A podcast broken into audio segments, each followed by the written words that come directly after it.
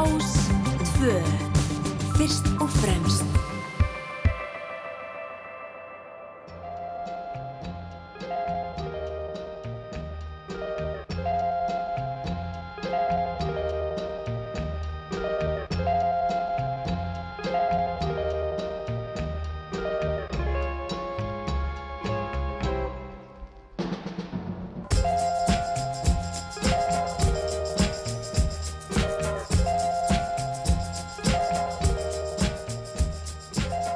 Komið sæl og blessuð, velkomin í Sunnudags sögur.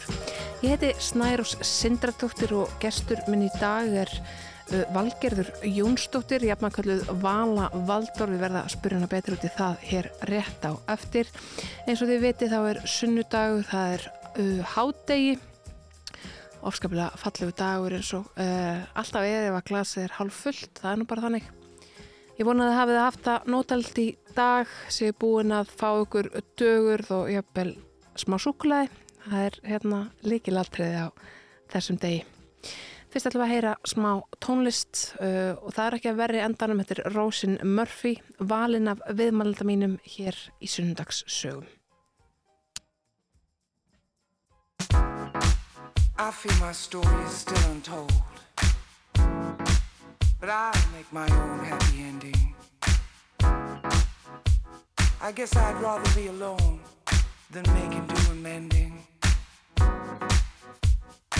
I think maybe I've outgrown this old town. I see you almost every day. And every time I turn around, our love is stuck on replay.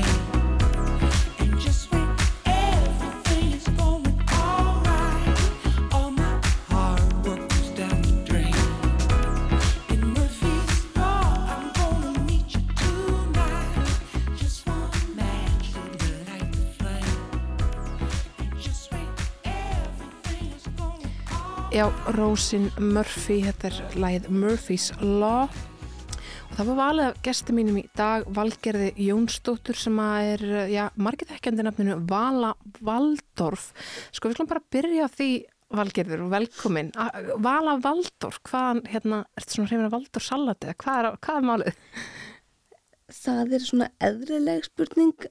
Uh, nei, árið 2010 þá deildum ég veit, vinni minn mikill ást á Blair Waldorf í þáttunum Gossip Girl. Já, og við settum bæði Waldorf með nafnan okkar á Facebook nema hans breytti sínu aftur en ég byrjaði sem leiðbyrjandi í úlingavinnunni á sama tíma og ég með þetta nafn og lendi með mjög skrautlegan hóp algjöra svona strákar sem voru að klára tíundabekk og voru pínu óþólandi og þeir voru alltaf að leita að mér á Facebook sem Valgar já, að þeir sá nafnum mitt á kladdanum þannig ég er svona ákvað að býða með það út sömarið þá ekki að losnaði við þá að breyta nafnum aftur.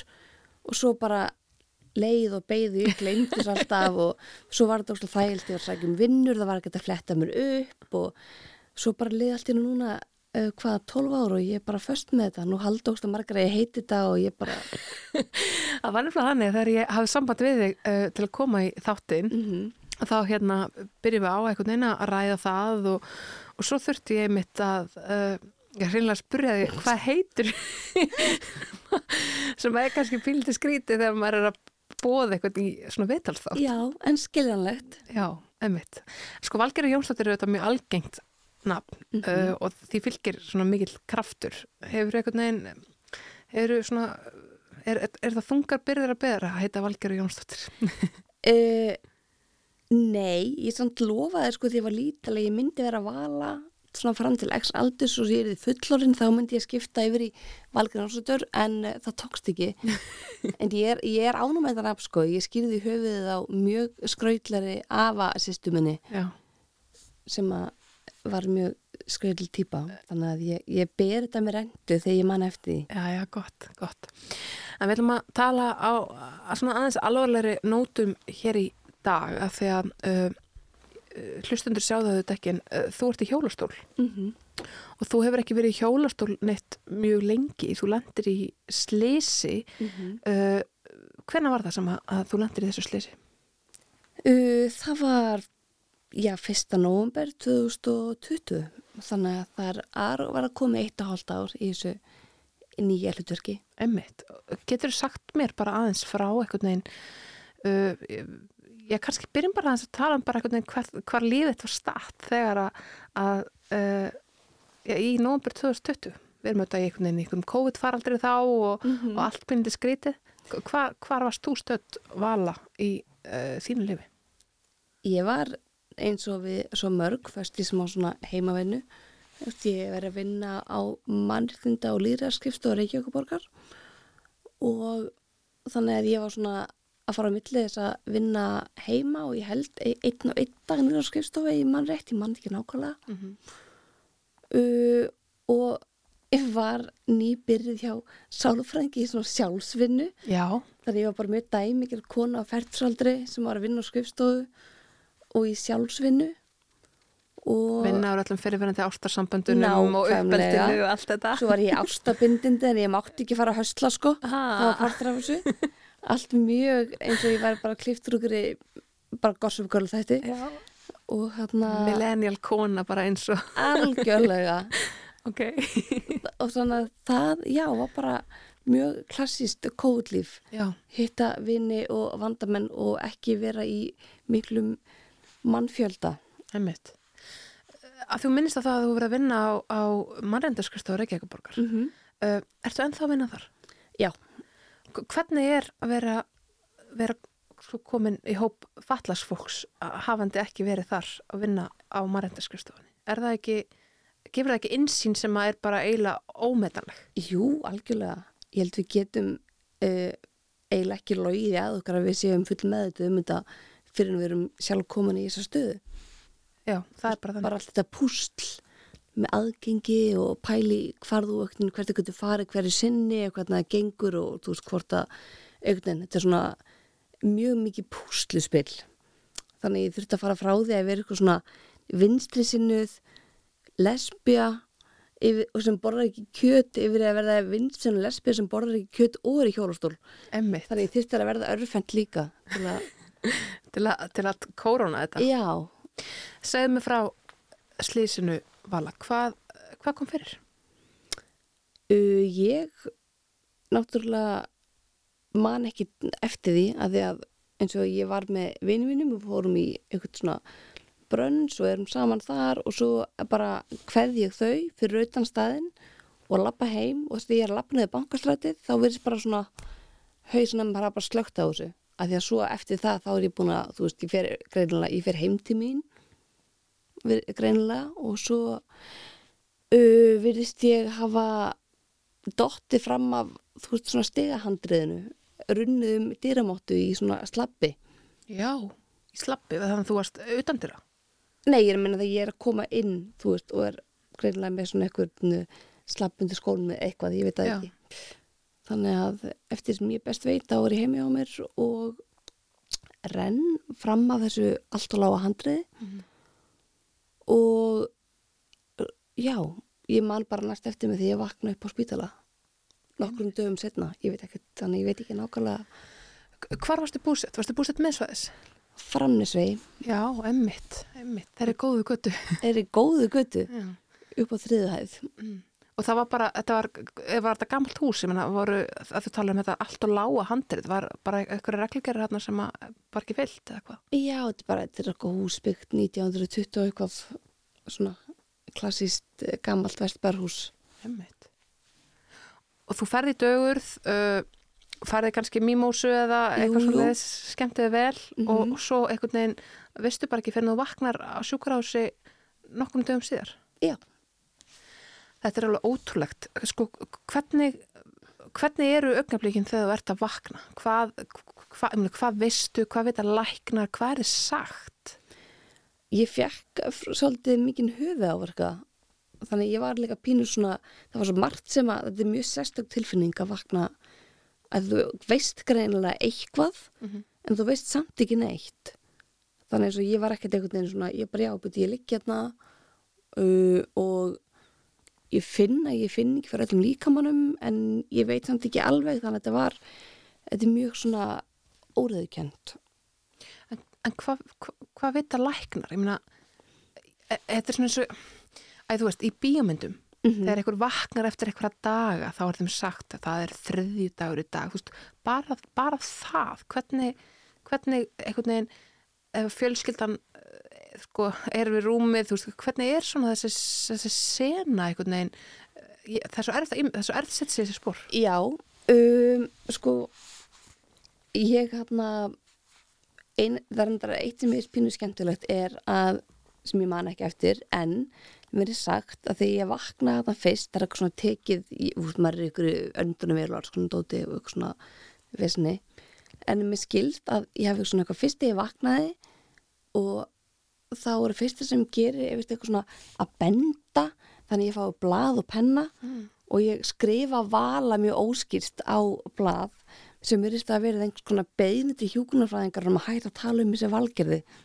Já, og var þá sem fjölskylda mér vissi að ég væri ok, hún er ennþá þarna. Þannig er person, það var ekkert viss hvernig ég kæmi út úr þessu, út af höðahorkanum þannig að það er allan veit ég fyrsta vöknunarmerkið sko. Já, það hafður við líklega heyrt í þeim. Já, um búin hlusta á eitthvað svona valgerði, valgerði, valgerði eitthvað greinilega í nokkra daga og. Hvað var það margir dagar?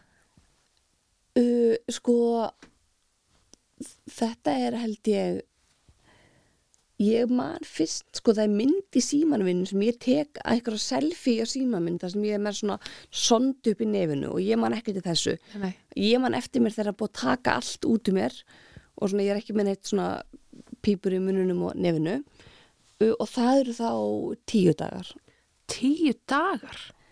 já, Vá! já Úf, að- ég held að verðum að bakka aðeins. uh, uh, hvernig kemstu upp á sjúkrás? Hver, hver, hver kemur að þér þar sem Já, að þú eftir ég er bara á eftir að þau fá alltaf mitt mesta rós. Það er sérst að ég höggið þeirist að komið uh, um 11 eða 12 heyrist eitthvað skellur í stegaganginum. um kvöldið? Já, sem er þá, þá er ég búin að vera heim í eitthvað tíma og þetta er alveg svolítið löngu eftir að ég hef kveði krakkana þannig að þetta er svona þetta er bara partur af þessu sem heilin lokar fyrir í svona áfalla uh, viðbrástöðu Já. uh, og svo að mér skilst setna um kvöldið eða nóttina þá koma nágranna mínir að mér nema þau hafa vit á því að reyna ekki að reysa mig við heldur ringi bara sjúkrabíl og það er þannig gífulega mikið þeim að þakka ég brotna ekki eitthvað miklu meira Emmitt. Það er þeim að þakka að þú hefur mátt í höndum og uh, hefur... Já, og bara að þetta hafi ekki vestað Emmitt. þannig þannig að það er og svo er held, já, svo á ég enga minningu fyrir en ég bara vaknaði þarna og ég er, þú veist, með þá nokkur dögum eftir að ég vakna rauninni Já. Þetta er, þetta er alveg, já, þetta er, þetta er stór merkilegt. Sko, þú, vak, þú einmitt ert meðvituð búin að losna við, ég meni þú, þú komin úr lífsættu tíu dögum síðar, þetta er búið að fjarlæga þessi svona helstu uh, tæki og tól sem að hjálpuðu þér að, að lifa af en, karakterin er greinlega eða til staðar. Va- Og þú ert að að, hérna, mótmæla því að vera kölluð valgerður af því að þú ert alltaf kölluð vala uh, sem eru þetta, sko lítur að hafa verið strókst og léttir fyrir það. Já, já, þau voru alveg bara það var ekkert að vita hvað kemur út úr haustum þannig að þau voru alsæl og þau hlóðu bara og þú veist, þetta var bara daglega stemming. Og svo skilst mér ég hafi líka haft eitthvað rosa miklar áhugur á því að það er að ringi vinnunum mína til að láta vita eins og þau myndi, ég var ekki búin að það. Að þú værir sjúkrahúsi. En hafa orðið breytingar persónleikaðinum, hefur þú breyst? Um,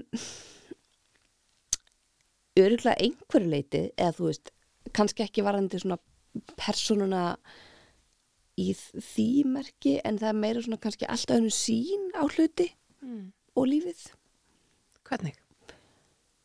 um, er í, í rauninni afslapari og ég er eiginlega bara mjög svona hvað ég segja, ég byggst ekki lengi að byggja afsökunar á ykkur á framfæri þetta er kannski pínu bara svona við þurfum bara að gera það sem við viljum koma framfæri þegar við viljum gera það og vera bara pínu taka mér að pláss af því að þú veist ekkit hvenær eitthvað getur algjörlega breyst ert minna meðverk Ég held það já, það mætti, mætti segja það.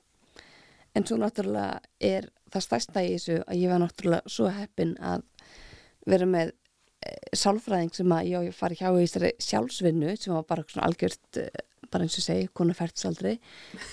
en svo bara tilviljun að hún er algjört, e, bara, ég segi bara legend í leiknum þegar kemur að svona áfalla vinnu. Þannig að hún er, kemur og hitti mig upp á gjörgjæslu þegar ég var ekki eins og finna orðið mín.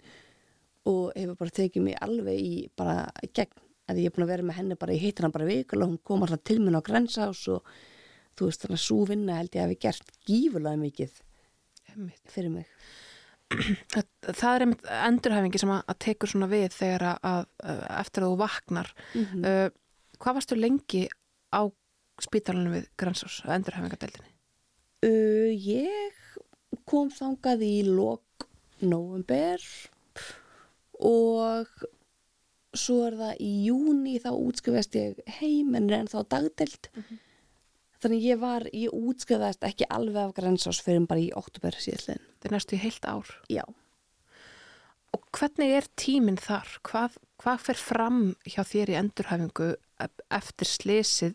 Sko, ef við bara skiljum alveg fyrir utan uh, sko andlegu sem þú þarft að fara í, ræðum hana aðeins og eftir uh, bara hvernig líða dagarnir? Af því þú, þú áttur heima einhvers staðar áður Já, algjörlega. Já, það var mjög, uh, það var náttúrulega frábært að geta fengið svona endræfingu að ég, ég hef heyrt af því að eins og í bandargunum þetta ekkert í helbiðskernu það er endilega partur af prógraminu. Nei.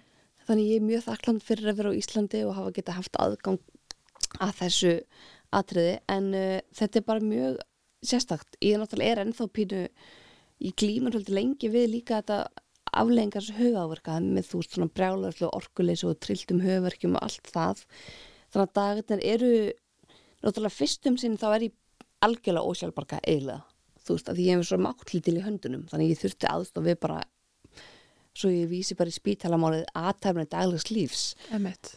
uh, þannig að maður er pínu bara svona vaknar á mótana og svo bara verið að hjálpa þær að klæða þig og þú veist bara allt þetta er í höndunum á starfsfólki sem þarf aðstofaði við bara allt. Þannig að dagarnir liði bara pínu með vakna, koma sér í föt með aðstóð og svo uh, aðeins þráliðir þá byrja ég að ferja í sjúkaþjálfun á hverjum degi, svo fyrir líki í yðjúþjálfun, uh, svo náttúrulega maður alltaf að hitta læknana sína, borða spítalamat og svo bara alltaf svona átt á kvöldin þá var ég alltaf að byrja um að fá kvöldliðu minn fyrir svo ég geti fara að sofa því ég var svo þreytt en maður alltaf að býða eins eftir lifurinn sínum, smá. Einmitt. En þetta er náttúrulega bara gjör ólíkt því lífi sem þú varst að lifa. Ég menna þú fer frá því eins og þú segir að skrappi brönns með vinniðinum og í, Já, þetta er allt í annað. ykkur spítalarútinu. Já, alveg allt annað og það er líka samt, held ég að vera einst mér ágætlega að þekkja það sína á spítallífið hafandi unnið svolítið svona lengi og Einmitt. þannig að maður gerði þessi píningur einn fyrir uh, kerfinu Já, einmitt. Ræðum það betur á eftir Vala Valdorf. Uh, ég ætla að heyra eitt lag, ég ætla að setja hérna á uh, já, eitt af mínum uppáðslögum. Já, Baltimore með Nínu Simón og svo spjöllum við aðeins um, um lífið eftir slísið.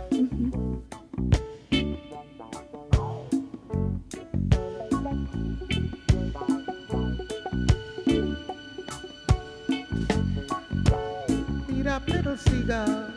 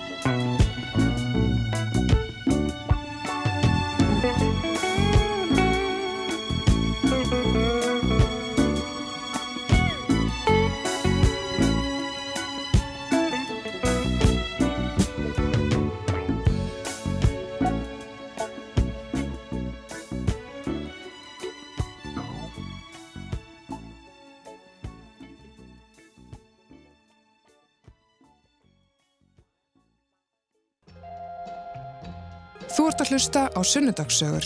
Alla sunnudaga klukkan 12.40 á Rástvö. Já, sunnudagssögur halda hér áfram uh, í stjórn minni, Snærós Sindardóttur. Gestur minn í dag er Valgerður Jónsdóttir. Hún uh, köllu Vala Valdor og við ætlum að kalla hana það í þessum þætti.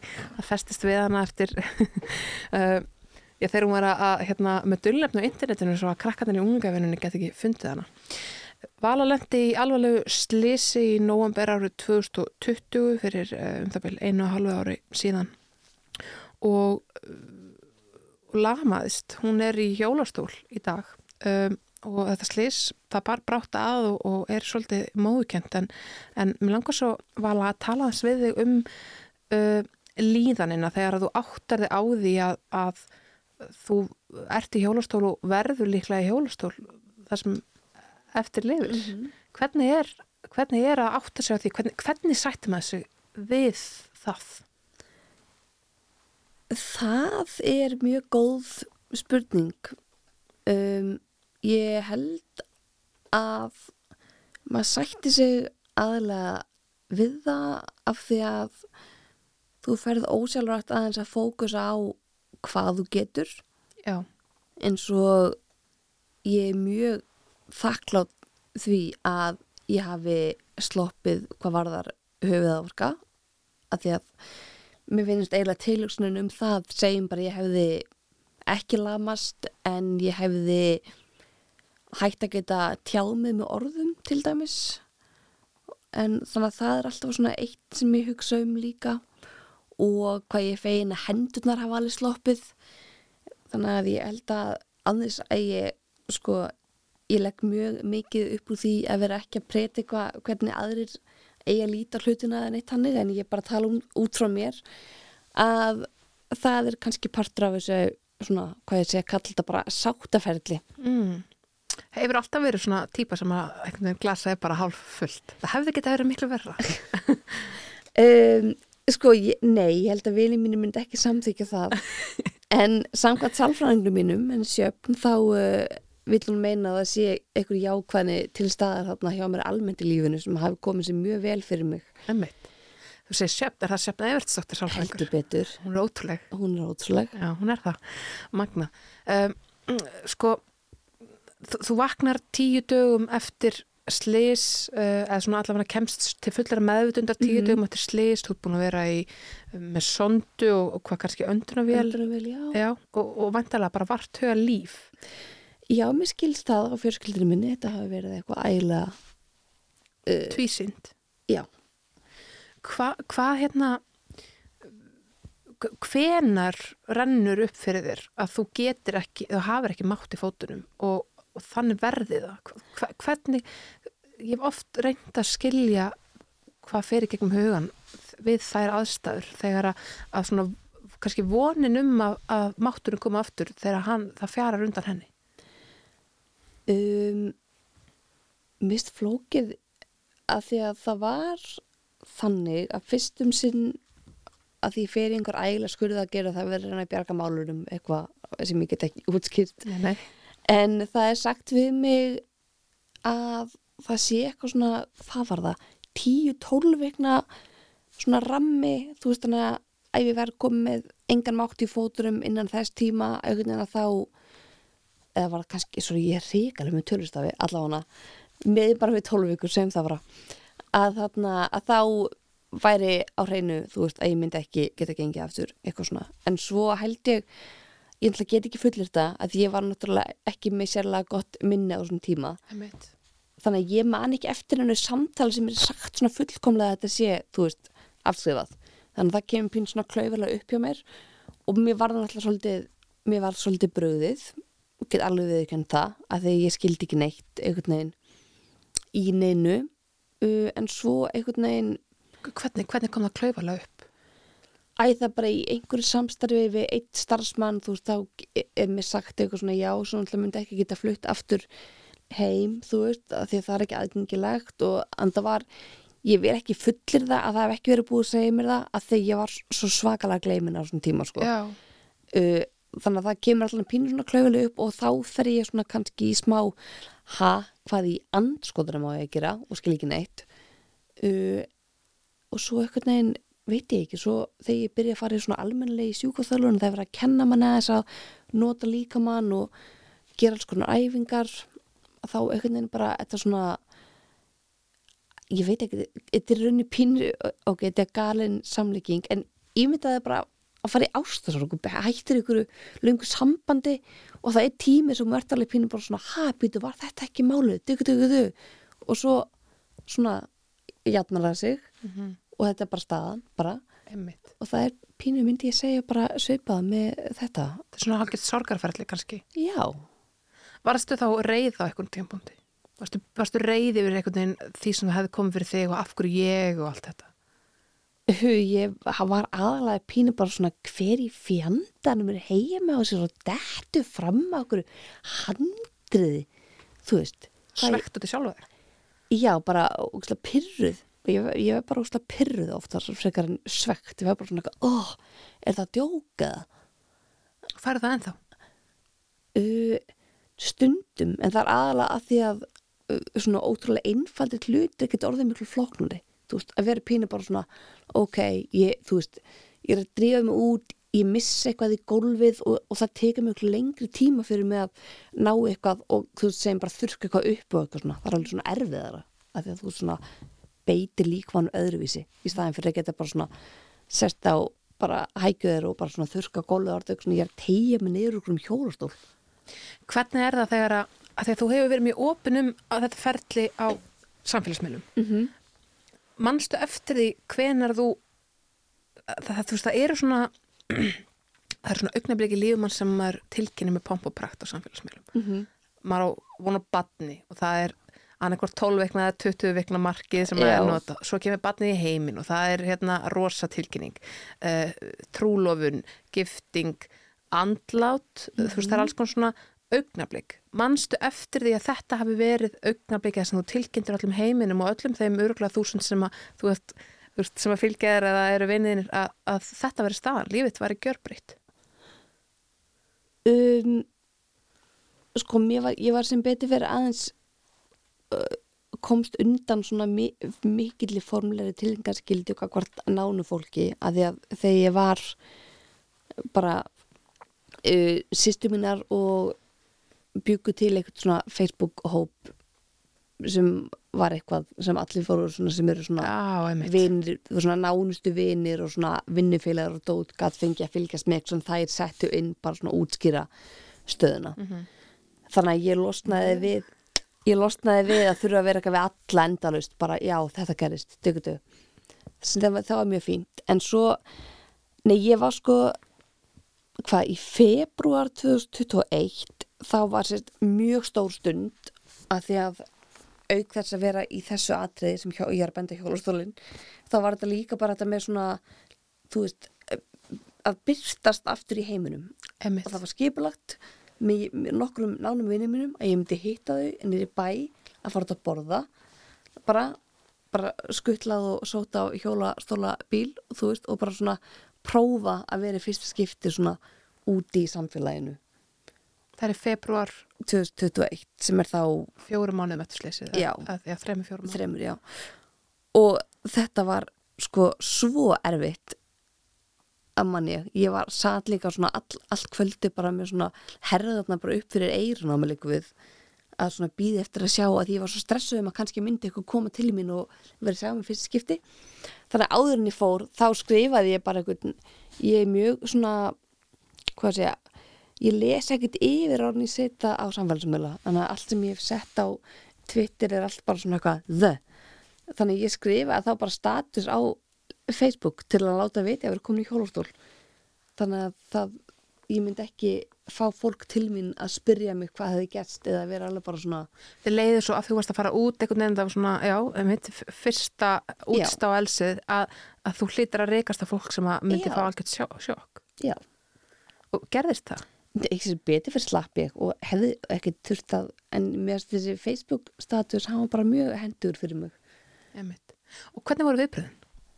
það var bara eitthvað, þú veist fólk var alveg fannst þetta svo magnað og bara þú veist, ég fekk enga svona, ég held að enginn að verið eitthvað, æ nei, að heyra, allir voru bara svona því að þetta var orðað með ykkur svona valgerðarlegum hætti, þannig að þetta var pínu bara svona, búm, þetta er staðan, ekki baka mig, Veist.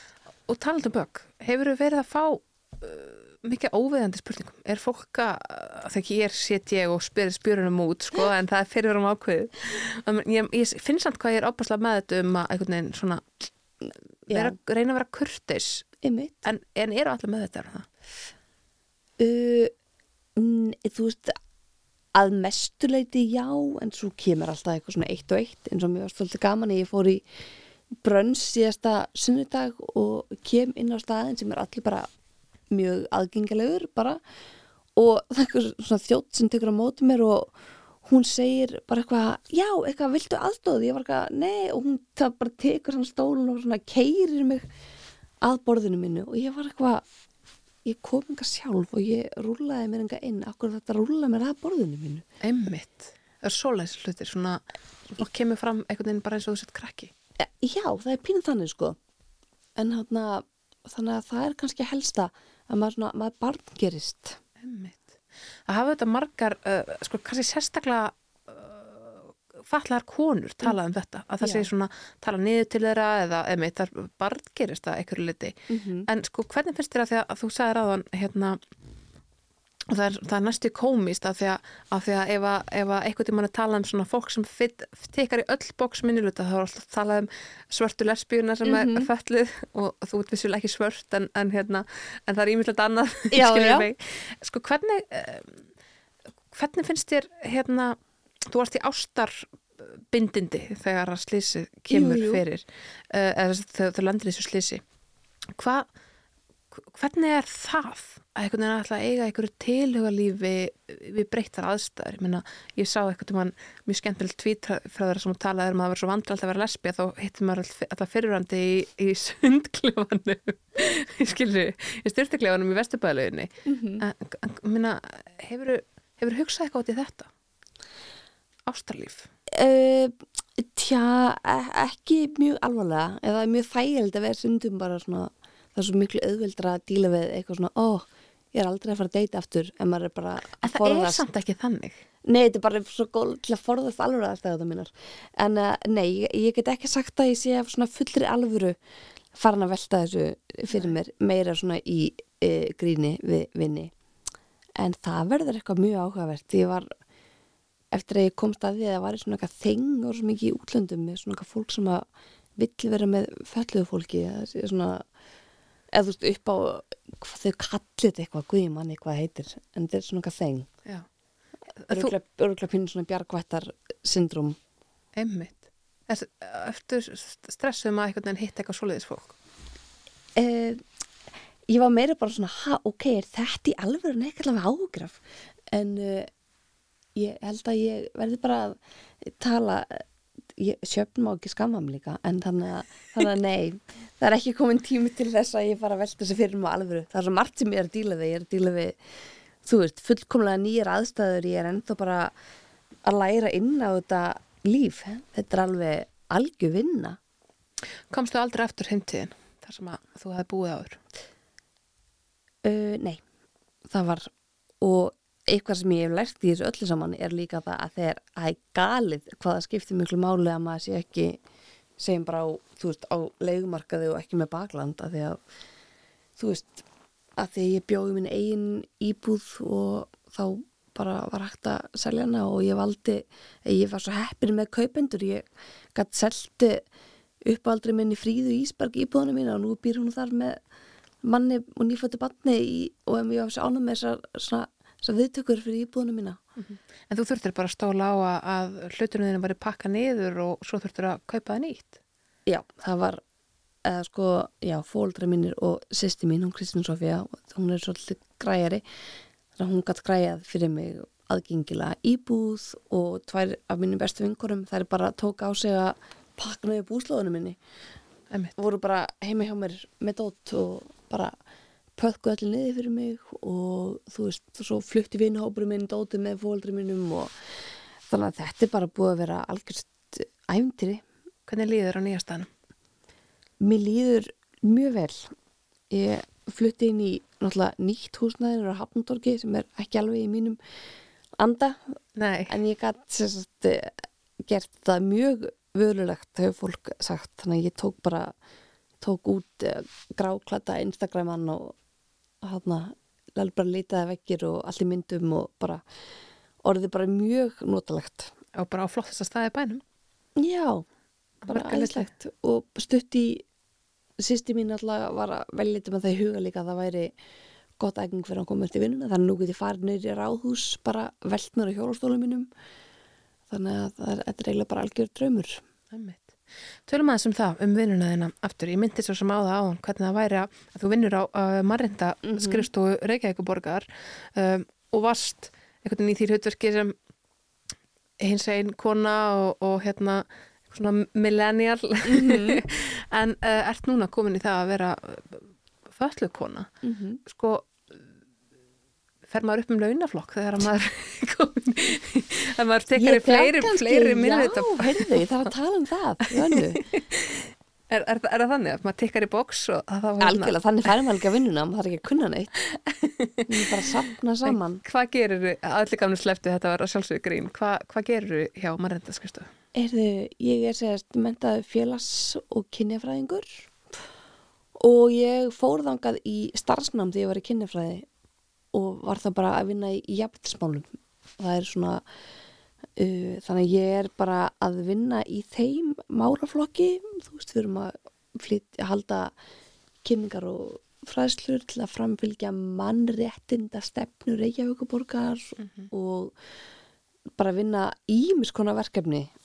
Sem mann alltaf þegar maður spurður að þetta mér ekkert í hug.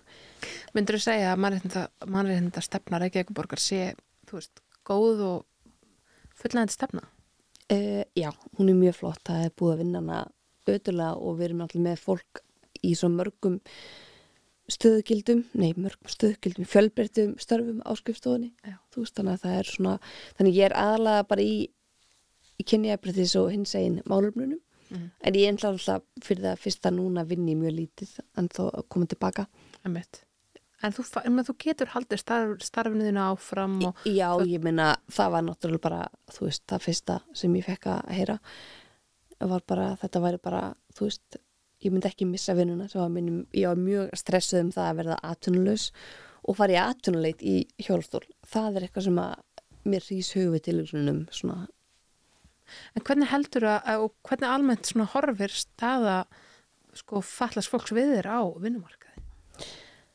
Uh, sko, eftir því sem maður eru heyrt bara frá UBI og þessari könnun hjá vörður sem var aukt núna fyrir nokkrum mánuðum að þá sé hún ekkert sérstaklega góð, en ég er endur aðalega kvíðinni við sko að uh, ég mun ekki vinna fulla vinnu aftur. Nei. bara út af, þú veist, eins og mér var sagt af lækninu mínum á grensás, bara það tekur allt í mun lengri tíma núna, þannig að ef þú ætlar að mæti vinna klukkan átta og vera búin klukkan fjögur þá þurftir að vakna svona 5.30 um morgunin til þess að ná að fara í styrtu og gera allt þegar nú tekur allt svo miklu lengri tíma Já, það er þannig. Já, ég meina eins og- 5.30.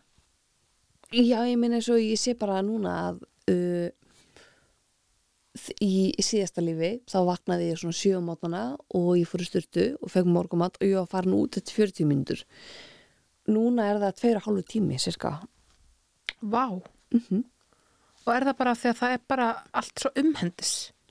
Já, ég meina þetta er bara, þú veist, þú ferð eitthvað svona fram og þú ert að, þú veist, uh, koma styrtu stóliðinum rétt fyrir, þú veist, fara úr hjólastól í hinn stólinn og fara hann á bað og þetta bara tekur allt og þetta tekur lengri tíma að klæða þig, þetta er bara hvernig, þetta er að nú er allt í höndunum á þér.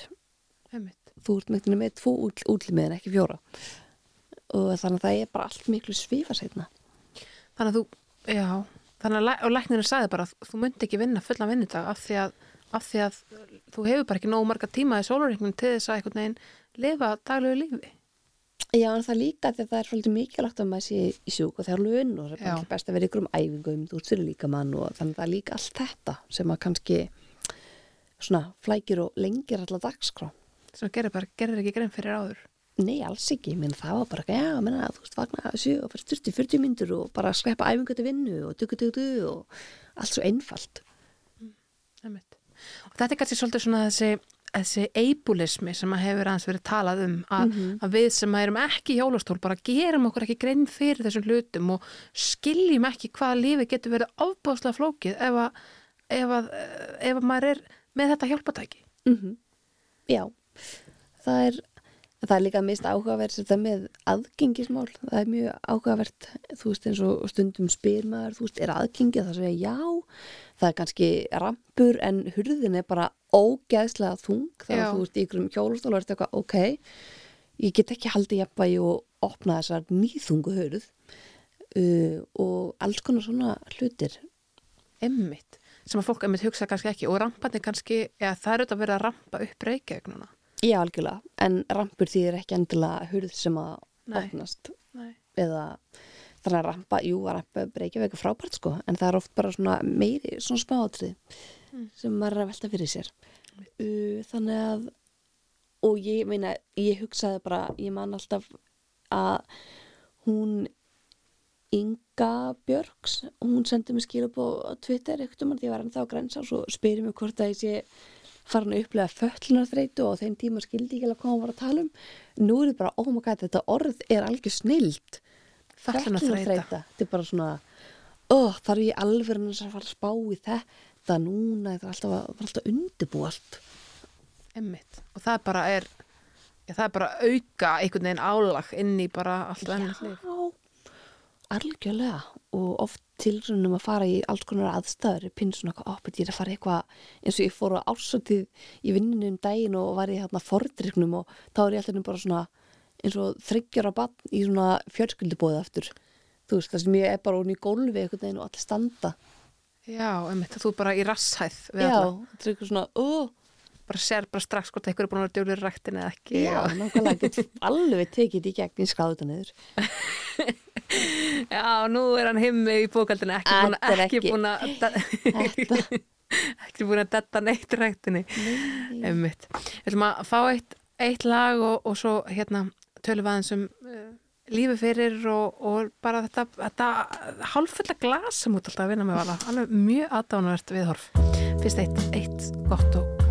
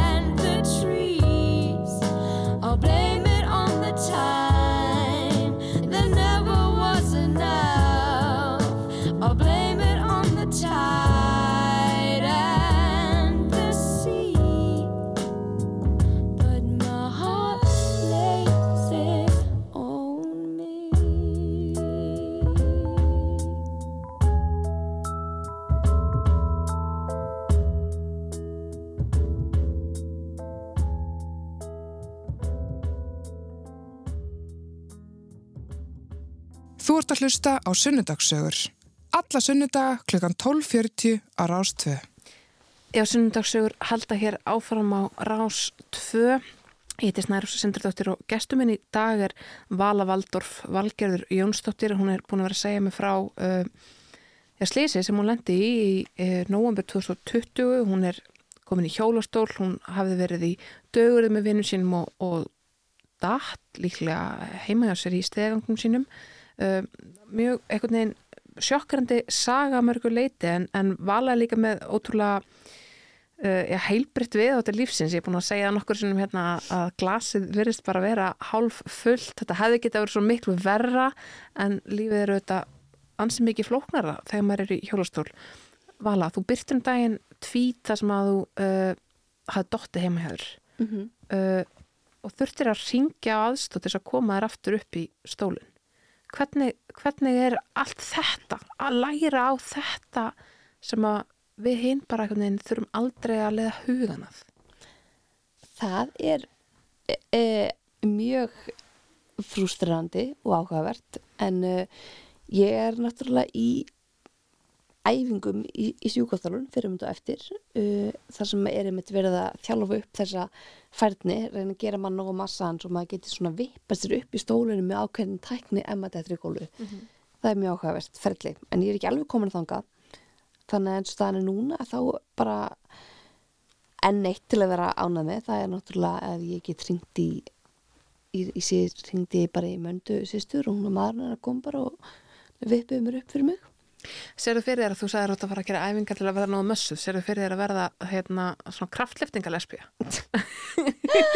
það verður svolítið gott en uh, já, algjörlega ég ætla að fara að pumpa játnin og verða hvað var það, ég mitt vinstri sinu kraftliftingalesbja í hjólastól Já, um að gera, um að gera. bæta í þetta en já, þannig að þetta er alltaf bara partur af þessum stöðu svona, það er alltaf næsta markmiði sko. Og nú er það að ná upp þessari færni. Þú sagðir aðan þegar þú vorst að lýsa fyrir mér að þú hefði búið uh, tímanum sem þú dvaldir á Gransás í endurhæfingu og, og dagarnir voru svona kannski svolítið fábrotnir að mörgu leiti. Það var vaknað morgumatur í rúminu og, og hérna heimsar æfingar sem að þar voru í, í bóði og svo var bara orðin þreita um kvöldi og fara snemma að sofa. um, hvernig hérna, þú er unnið á spítala þú sagðist að þekkt þetta spítalalíf svolítið mm -hmm. getur sagt mér aðeins, hvar, hvar varst að vinna? Heyrðu, ég var að vinna sem ráðgjafi á deild sem þá hétt sérhæfð endurhæfingargeðdeild á kleppi uh, þar sem að er þá mest svona yngri einstaklingar með geð og fíknumvanda Mm. svo kallar svona tvígrinningar uh, fólk og þannig að þar var maður svolítið í með fólk um í endurhæfingu. Þetta var þá einstaklingar sem hefur verið mjög kannski bara veikir, flesti með geðklofa og koma það þangað eftir að hafa verið á bráða geðlildurum og svona.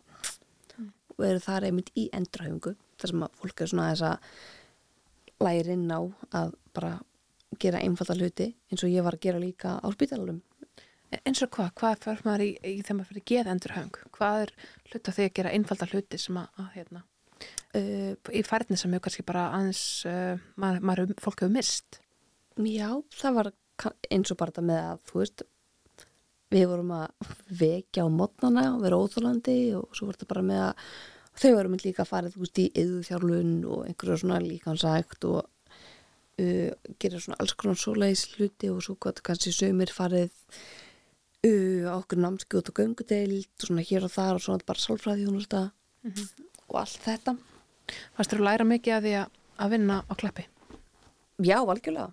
Ég minna að það var líka, þetta var 2017 sem ég ákvaði að vippa mér í master í kynjafræði af því að þá fannst við til dæmis kerfin okkar ekki sína áhuga á konum geð og fíknumvanda. Það vandaði svo mikið búrstúraði. Þannig ég gerði sérst masterverkunum mitt í kynjafræði var eiginlega rannsókn að reyna að skoða þetta skort orðaðum fyrir konum með geð og fíknumvanda. þú segir bara áhugalesi, er það málið að kerfið áhugalust um, um konur í vanda? Það hefur uh, aðeins horti betri vegar hjá Reykjavíkaborg. Það er búið að opna bústu eða það heitir ekki búsutu kjarni og búsutu úrræði hvað, ég manni hvað það heitir fyrir ekki eitthvað borg uh, sérst, það sem er svona fyrir konur með geður fyrir kvanda, tvíkringar en þegar þetta var þá var ekki neitt slíkt úrræði til þú veist þannig að það var voru til svona ykkur úrræði fyrir karlmennu geður fyrir vanda en veist, virtist vera færri en við erum alltaf með þessar tallingar hérna þér og þar en svo veit maður ekki alveg hvernig þú kemst í tallinguna Og hverju komstu að í þinni uh, rannsókn? Hver er staða þessara kvenna? Uh, ég, hvað minn góður ég komst allavega að því að það væri skortur og ég talaði við fólk náttúrulega nafnlaust svo sem vinnur í þessum kerfi og fólki bara einhvern veginn saman um það að það bara væri skortur á því uh, þegar væri svolítið að gleymast og spilaði það enda líka inn að þótti einhvern veginn kannski aðeins flóknari Konunnar. já, Hvers vegna? Uh, að hluta eitthvað af því svo er nú komin sko fjörar ég vona ég mun rétt en mér minnir að eitthvað hafi verið rætt um að það er náttúrulega sé flóknar sko svona umgjörðinni kringum að sérstaklega því að sömur þar kannski eru með einhvern veginn svona börn á sem er eitthvað svona tengingu við en það var ekkert ekki vandamál með kallmenni það var eitthvað mjög uh, svona sérstakt að því að þú veist, þá var þeir kannski býnur afskrifaðir en konundar svona bera meira ábyrð Mm, það var svona ímist svona flækjusteg sem var búið að skapa Og, og kannski þessi málaflokkur uh, og þetta nám uh, svo það sem að, kemur til starfa hjá Reykjavíkuborg. já, Og auðvitað, mannréttindin auðvitað hérna snerta þennan hóp líka. Þetta er ekki bara eitthvað félagslegt uh, vandamál. Nei, nei, nei, nei. Þú veist, við erum búin að vera að skrifa umsagnur um lagafrumvörp eins og varandi neslurými og afglöpavæðinguna og allt þetta og þannig að maður tekur þátt í þessu líka. Þetta er alveg á okkar herðum líka. Það er náttúrulega vel fyrir að svið eigi þetta en þá svona. Emmitt, já, þetta er, þetta er mjög forðanlegt. Það eru þetta svona, já það eru bara mjög skipta skoðanir varðandi uh, skadamingunnar úrðaðin yfir höfuð uh, og, og maður hefur séð já, stjórnmálamenn sem að einhvern veginn, já, verðast vera þeirra skoðunar að, að uh, afklapavæðing myndi auka á vandan. Mm Eh, Hvernig horfður það við ykkur hér mannreitnda? Já, ég veit náttúrulega ekki alveg skoðun aftur á skrifstofunni. Nei, nei, nei, en, eh, en fyrir mér þá horfur þetta þannig við að þetta er bara ótrúlega undarleg sín að því að skadamingun er nokkuð augljóslega bara af hinnu góða og afklæpa veginn neyslu skamta þýðir ekki að við fyrum að afhenda unglingum neyslu skamta Nei, heldur þýðir bara að þú veist, það myndi líka bara spara vinni hjá lögreglunni, ég meina hversu þú veist, hva, hvað mikið fær löggjæsla og allir út því að vera stopp ykkur gaur og svo er hann með eitthvað gras í vasanum og hann taka það af honum og eða tími að skrifa ykkur skýslu svo um það að hafa tekið, þú veist, þetta bara þetta breytir engu, þetta breytir bara því að þetta fólk sem er með nýslu skamtin sinna á sér þarf ekki að retta þessu nýjum skamtis og, og koma sér í meiri fjárhagsvanda hvort einhverjum kingpinni undrimum eða þú veist, þetta bara svona horfur þetta við mér Einmitt. Já, einmitt. Þetta er fornulegt. Uh, en vala, aftur að, að þínu fulla glasi, að hálf fulla glasi. Já. Svo jákvæða viðhörfið. Þú sagði að vin, vinið myndi nú ekki lýsa þér sem sérstaklega jákvæða konu. en kannski ekki með allt Ertu svona, ertu svona, hérna, já, svona, ertu eina af þeim sem að, að hérna, hefur svolítið svona kannski gaman að því að, vera svona bitra megin í lífinu í, hérna, er það svona húmórin, skilur við? Ertu kaltæðin? Það er það sem ég er að spyrja um. uh, Já, kaltan er mjög góð nema þú hún kemur manni vandraði maður að tala við ykkur sem skilur í kaltani Já, einmitt. en uh, já, það er, nei, ég myndi skulum bara orða það þannig að ég er kannski jákvæðari mjög akkord öðru fólki og allir sem takar en getur mjög pyrruð út sjálf Þú lísti því áðan nefnilega, þú sagðir áðan að, að þú værir svegt, eða sko, svegt og hissat sjálfaði fyrir að hafa dottið yfir handriðið. já, þetta er svo klaufalegt hver lendir í hjól þannig að rennur okkur dyramótu og þetta er eitthvað svo þetta er eitthvað svo Einmitt. það er svona, þú veist, ekki það að neinslið séu góð eða skemmtileg en þetta er bara svona sagan er eitthvað svo, að ég var eitthvað að það var bara svona eitthvað, ég var að vera að heima, þú veist, nýbúin var bara ljósum kveikt og það var bara tala um minna borðinu og ég var eitthvað búin að vera með þá heilunum í þú veist tvo mánuði að þetta gerist að ég var eitthvað að læra og gítar gegnum eitthvað forrit í tölvunum minni og hafði grunlega verið heima að dunda mér í þessu þetta svona svolítið eftir að ég kem heim. Þú veist þannig að þetta er eitthvað svo þannig að ég held ég að við eitt mörgum samtölum við sjöfni ég vera ægilega pyrðið og hvað þetta er astnalegt En það er ekkert asnalegt. Nei, ég, veist, ég gerir mig grein fyrir það að fólk heyrið eitthvað þannig en ég bara, þetta er lúðalegt. En, en þú, að því við erum svolítið svona mitt búin að tala um að þú varst þarna í, í brönnsna vinniðinum og kemur alveg heim, sko, það er samt þá svona ákveðin mysterja yfir því akkur þú ferð fram. Já, ég held að einhver að vera að pæla í hvort ég að vera að fara út með ruslið og kannski verða að klára það. Já, en er alveg ljóst að, ég meina, já, já það, það liggur ekkit fyrir, akkur þú ferð fram á stegapall, akkur þú dettur, Nei, akkur þú finnst. Finnst þér það ekkit óþægilegt? Finnst þér ekkit óþægilegt að mun að það sé stór í raun og veru í þessu kvöldi?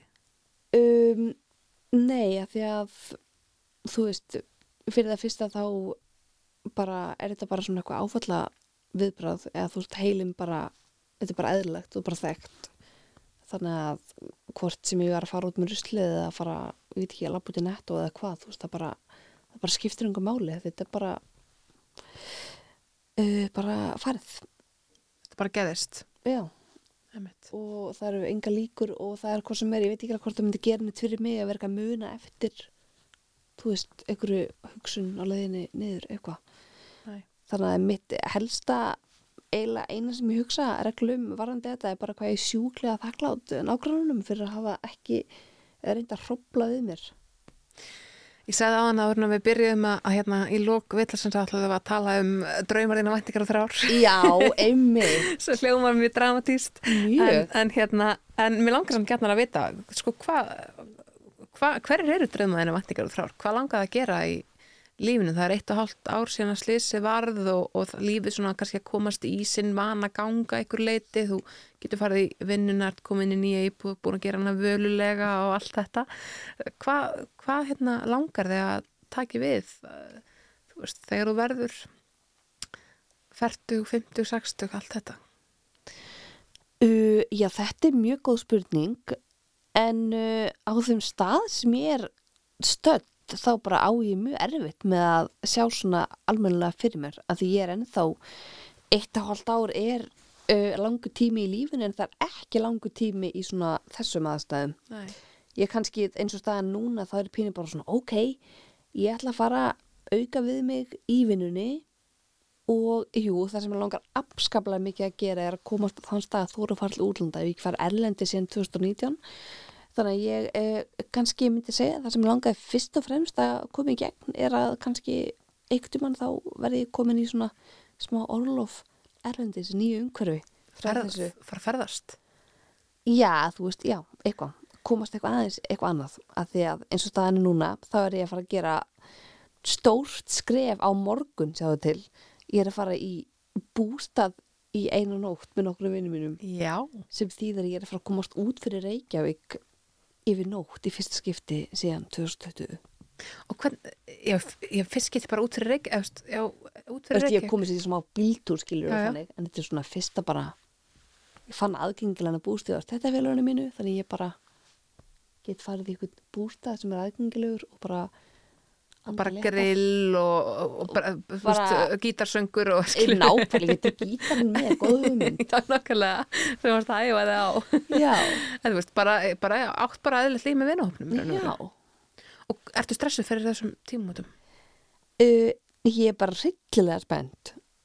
Já. verði ég við ekki Þetta er eitthvað svona svolítið eðlur hlutur að gera reyndra þeir eru að fara fjögur en fyrir um á tveimu bílum að það nú fylgir mér svo mikið drastl og ég er pín eins og að fara með unga barni bústað.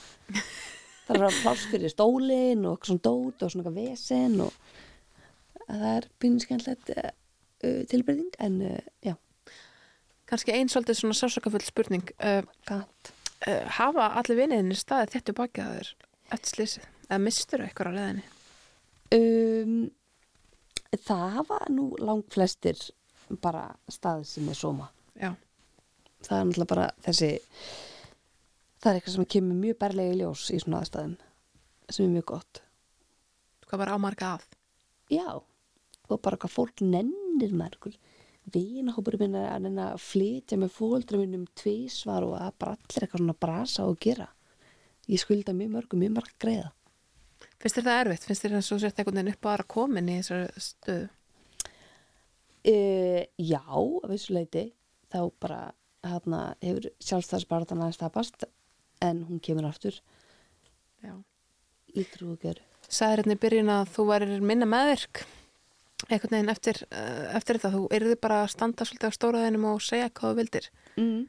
Uh, er það, er sko, já, er það, er, er það, hefur það verið með hjálp sálfræðingsins og allt þetta og, og í hluta þessar sjálfsvinnum en sástu fyrir þú hófst sjálfsvinnun á ástarbindindið hérna árið 2020 einhvern veginn að þetta er því niðurstaðan að þú erir mannski sem getur sagt bara herðu, ég vil hérna að þú hætt, hættir að ganga í mín mörg eða hvað það er sem maður segir þegar maður einhvern veginn stendur með sjálfur sér. Uh, hvað segir maður? Ég ekki gangi við mín mörg Nei, ég veit það það ekki. er bara góð setning. Já, ég vil tilengar mér hana. En nei, nei, en ég ætla rægt að fullir að ég sé orðin alveg svona stórkostlega velgerð típa eftir þetta. En nei, ég hef ekki séð fyrir mér að þetta dramatiska ástarbindindi myndi setja mig á þennan stað í sjálfsveinunum nei, einmitt. En þetta er bara lífið. Og svo er það bara útlönd næsta skref, kannski. Hvert, langaði að fara? uh, ég veit það ekki, ég ætla bara að komast yfir það hvernig, hvað er þægilega þetta flugfélag, ég þarf að finna út svona flugfélag sem er hendur hjólustóla fólki og finna alls konar út sko Og þetta allt saman tekur lengri tíma heldur en að þú... já, maður þarf bara að finna út alls konar hlutum Já. og hvað löndur með þægild aðgengi Emmitt. halló Píramidinir Egyptalandi til dæmis, eru þeir með þægilt hjólustulagengi? Það er spurning. það, er- það er spurning en ég myndi kannski ekki, fara langt flug heldur Nei, já, það meinar. Við höfum svo sem aðeins verið að tala um áhuga mál þín og svona og, og hérna ég er svo sem búin að nefna Twitter hérna nokkur sinnum að því að þú ert öflug og skemmtur á Twitter og mæli með að allir fylgir Vala Valdorf en hérna það talar um þessu uh, tattúurð já, já. Er það sérstætt áhugamál húðflúr? Uh, nei, það er nú bara tilkomið að því að besti vini minn var lítil, hann sölvið út á íslensku tatústofunni hann, hann er svo kekkjaður og hann hefur gert á mig uh, þrjú tatú og eitt af því og síðasta flúrum mitt fekk ég mér um daginn sem er inspirerað af nýja lífinu sem eru svona fótleggir hingað og, og, og svo er svona pottaplanta upp úr, upp úr fótunum. Hann gerir fæturna og auðrýr gerðir plöntuna er, svona, þetta er samvinnuð tattú þetta er samvinni tattu byggt á einhverju undarlegri sín sem ég fekk aldrei inn upp í hausin á Grensás. Hva, Hver er svo sín? sko ég vil, þetta, þetta er eitthvað symbolist en ég áttum ekki alveg á hvað það er en þetta er bara uh, kannski er, er því að fætra mér orðin svo línir en nú er þeir bara eins og fætra á blómapoti. Á blómi? já, Já, eru þetta svona lin, svolítið Þau standa ekki nákvæmlega Emmitt. En langaði að fá þig fleiri tattoo? Er það, er það hérna, ætlar að vera að krúsa í sumar í sumarkjól á, á hjólastólum með bara tattoo vera fætur? Heyrðu, ég var ekkert mikið í kjólum fyrir slis en Instagram vil endilega sína mér sexy wheelchair women núna sem er eitthvað síða á Instagram það er allt konur í kjólum þannig að það er komin pressa á mig Býtu, Er, er algoritmur bara búin að kveikja á því að, að, að sína þér efni núna sem er sérstaklega ætla fólki með fötun? uh, Já, ég er að fylgja einhverjum tveimur eða þreimur sem eru með mænuskaða og eru svona eitthvað stóru típur af því ég er bara að reyna að finna mér eitthvað svona innblástur kannski að díla við nýtt líf en síðan þá, þá er Instagram alltaf að sína mér og líka skvísur í hjólastólum en, en þú veist, það er mjög fyndið þannig að eh, Það er magnað. Já. Sko, það er ekki hægt að gera lítið úr algoritmunum nei, nákvæmlega. svolítið kannski bara einmitt rétt í lokin. Manstu eftir það, hvenær algoritmi fattaði hvernig fyrir þeir var komið þessum ára komast? það er bara örgulega fyrir svona árið eða eitthvað ég er örgulega reyta upp einhverja spinal cord injury dótið sinnum og þá bara er allt í hjólastól síðan þá og núna er bara allt sem hann mér er, er fallafólk og, og gítarar einhverjum ástofum af því að þú ætlaði að hæfa læra gítarin áður einmitt. Þetta er alveg magnað. Uh, Valger Jónsdóttir, Vala Valdorf takk kærlega fyrir að vera gæstu minn í uh, sunnudagsögum hér á Rás 2 já, takk fyrir mig. Eins og ég nefndi á hann, hann er fallið sunnudagur úti og ég vona að þessi flesti sé búin að fá sér svolítið súkulaði eða, eða uh, já, hafa það allavega kósi það fulla ástæði þess að hérna, hætla sér upp á kaffibótla þá að að það stittist í síðdeið það er hérna uh, það er aldrei ómikið að góðu kaffi. Uh, ég þakka bara kærlega fyrir mig. Ég heiti Snærás Sindradóttir og uh, við ætlum að enda þetta á ljúfum tónum.